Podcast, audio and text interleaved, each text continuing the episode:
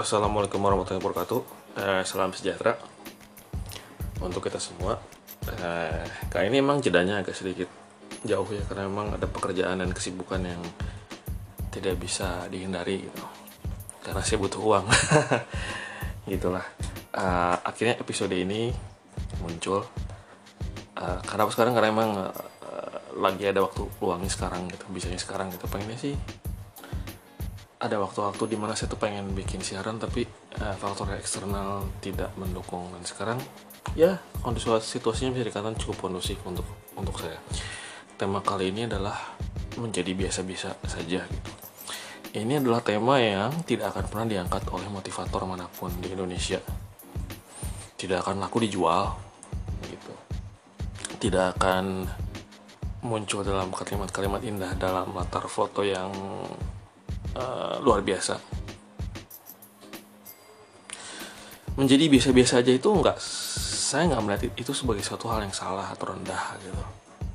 Selama ya menjadi kalau di kalau di Indonesia itu kan kalimat apa mainstreamnya arus utamanya adalah ya selama berguna bagi nusa dan bangsa gitu. Dan kita itu harus bisa menerima bahwa kita tuh biasa-biasa aja, bukan luar biasa gitu bahwa anda-anda ini bukan Leo Tolstoy, bukan Elon Musk, bukan Gandhi, bukan saya sebut orang luar negeri aja ya biar kalau orang Indonesia nanti pada baper. Terus nanti ya biasalah ribut. Uh, bahwa anda itu bukan Winston Churchill, bukan Margaret Thatcher, bukan Marie Curie, bukan Niels Bohr, bukan Dostoyevsky, bukan Nagui Pahvos gitu, bukan Slavoj Zizek, bukan Soren Kierkegaard. Kenapa sih malah jadi kayak nyebut-nyebutin nama itu biar kelihatan kece ya? Enggak itu cuma nyebut nama aja. Jangan dianggap kece. Bahwa sebenarnya menjadi biasa-biasa aja menjadi rata-rata atau mungkin bahasa kasarnya mediocre itu nggak bermasalah gitu. Karena dari segi kata aja gitu. Kenapa ada yang spesial? Karena ada yang tidak spesial gitu. Kenapa ada yang panas? Karena ada yang dingin Kenapa ada yang cantik dan ganteng? Karena ada yang jelek gitu. Memang ini subjektif ya. Uh, menjadi spesial ini subjektif itu bisa dalam tataran amat sangat personal gitu. Kamu kamu adalah seorang yang spesial di hadapan pasanganmu atau tataran kabupaten misalnya kamu adalah orang paling terkenal se kabupatenmu karena kamu adalah seorang seleb TikTok uh, di kabupaten kamu. Tapi juga dari kabupaten kan ada ya kota media, provinsi, negara dan lain-lain. Jadi saya bicarakan spesial dalam arti umum gitu. Katakanlah ya kalau penyanyi itu John Legend gitu. Nggak semua orang bisa jadi John Legend gitu. Nggak, ya, maksudnya John Legend yang suaranya bagus, tapi juga terkenal dan karirnya termasuk konsisten gitu. Dan saya pernah nonton sebuah dokumenter judulnya 20 Feet from the Stars. Uh, dicari aja sendiri dokumenter itu mengenai para penyanyi backing vokal uh, yang terkenal. Jadi ada penyanyi utamanya seperti Sting, Rod Stewart gitu. Mereka, mereka kan suka punya bawa band bawaan dan backing vokal. Dan backing vokalnya ini bagus bagus-bagus, emang berkualitas lah gitu. Uh, dan diceritakan perjuangan mereka untuk mencoba solo album atau mendobrak industri musik dan ternyata gagal gitu. Dan di salah satu segmen itu ada ada suatu ungkapan yang sangat menarik dan ini diungkapkan oleh bukan orang sembarangan yaitu Sting musisi asal Inggris ini. Dia bilang bahwa uh, industri musik bahwa industri musik ini tidak adil. Ini bukan berarti dalam maksud yang tidak adil itu kayak perundang-undangan atau kontrak bukan. Tapi ya memang keadaannya begitu gitu. It's not a level playing field kalau bahasa Inggris. Ini ini ini ini bukan uh, lapangan permainan yang rata dan ada faktor namanya keberuntungan gitu yang disebut oleh si Sting itu bahwa walaupun kamu adalah seorang backing vokal ya 20 feet from the stars uh, kamu dekat dengan seorang bintang utama suara kamu bagus ya belum tentu kamu bakal terkenal belum tentu kamu bakal menembus industri musik tetap ada yang namanya faktor X gitu. Kembali lagi ke definisi gitu kenapa ada yang spesial? Karena ada yang tidak spesial gitu.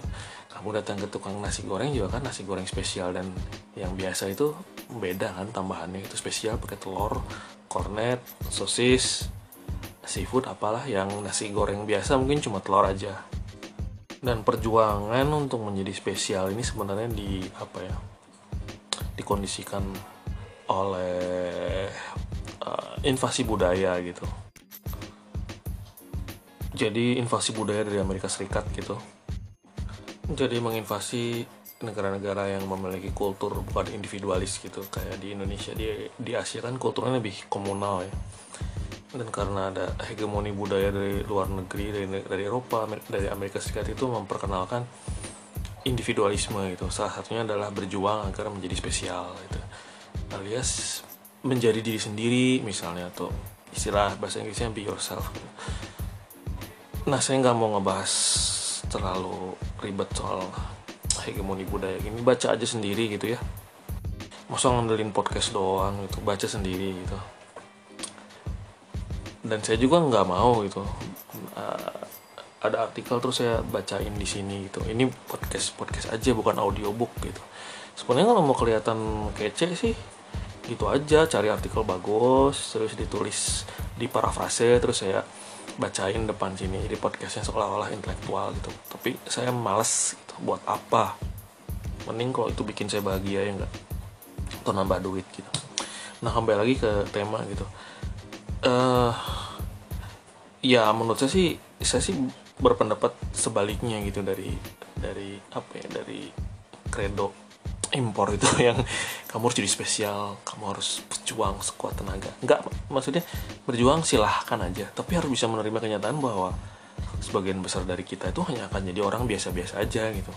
Kamu hanya akan menjadi penyanyi mohon maaf levelnya hanya di cafe saja hanya menjadi seorang penulis yang hanya online saja hanya menjadi seorang pembuat film yang ya suam-suam kuku gitu ya dan mungkin nggak sampai levelnya Scorsese, Tarkovsky. Oke oke, saya nggak mau lempar-lempar nama biar kelihatan kece. Ini kalau nggak dengar di luar ada suara hujan gitu. Ini bukan special effect, ini hujan beneran. Nah kembali ke tema gitu.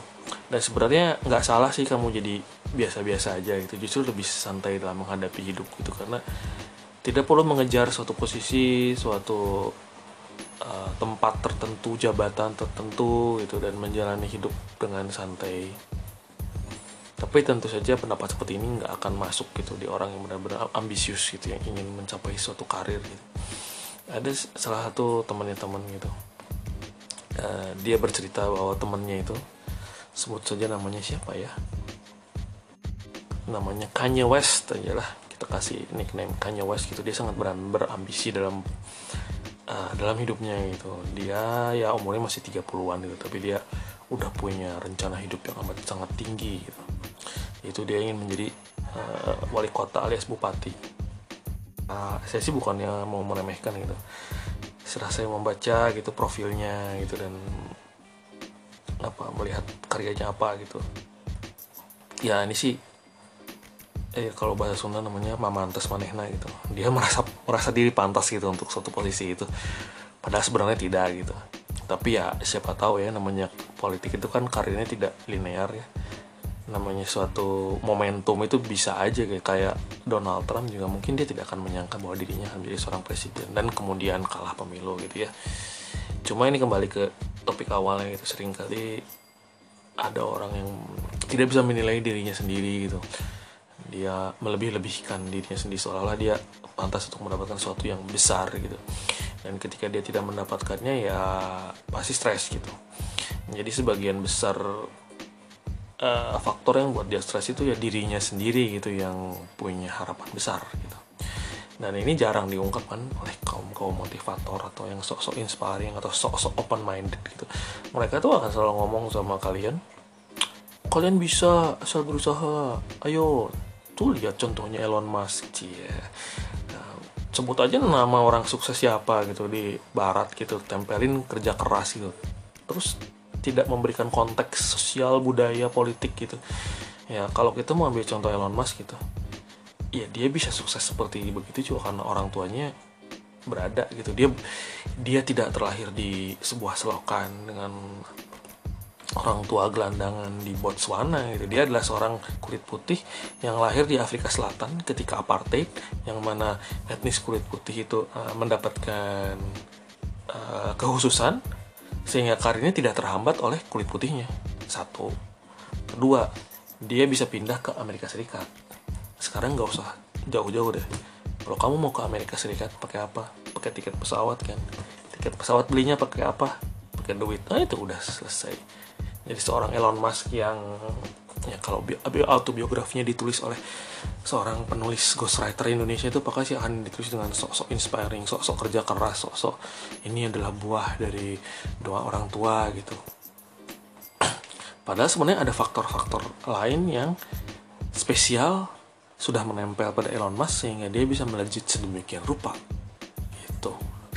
Kalau Elon Musk lahirnya di apa ya Korea Utara gitu, anak seorang petani belum tentu dan patut dicatat gitu bahwa warna kulitnya Elon Musk gitu dan kemampuannya pada saat itu untuk untuk membeli tiket ke Amerika Serikat itu berkontribusi besar pada kemajuannya gitu. Bayangkan misalnya kalau dia lahir masih tetap di Afrika Selatan tapi kulitnya hitam dan miskin, mungkin nggak ada yang namanya Elon Musk gitu. Jadi eh, betapa menyesatkannya gitu para podcaster, vlogger, motivator gitu yang begitu dengan mudahnya mengundang narasumber yang kadang jelas kadang enggak gitu dan mengungkapkan semudah kerja keras terus terjadi gitu. Dan ada orang yang beli omongan itu dan tidak terjadi sakit hati gitu. Kan harusnya ada semacam tanggung jawab moral ya kalau kalaulah hendak menjadikan kisah Elon Musk itu sebagai suri tauladan kan harus dijelaskan konteksnya gimana terms and conditionsnya apa syarat dan ketentuannya apa itu jangan pukul rata kalimat indah gitu. Karena memang eh, yang membunuh impian orang selain karena emang apa faktor eksternal ada juga faktor internalnya gitu. Saya nggak melarang orang bermimpi atau meremehkan orang eh, yang punya ambisi silahkan gitu tapi ya harus ada semacam asuransi lah kasarnya. Yang di mana kamu menerima bahwa kamu biasa-biasa aja gitu. Dan menjalani hidup biasa-biasa aja tanpa menjadi seorang CEO eh, atau Iron Man itu nggak masalah sebenarnya. Kalau bisa dilihat gitu kan. Jadi saya dedikasikan episode kali ini untuk mereka yang biasa-biasa saja dan bahagia dengan kebiasa-biasaannya itu. Hidup menjadi biasa. Sekian dan terima kasih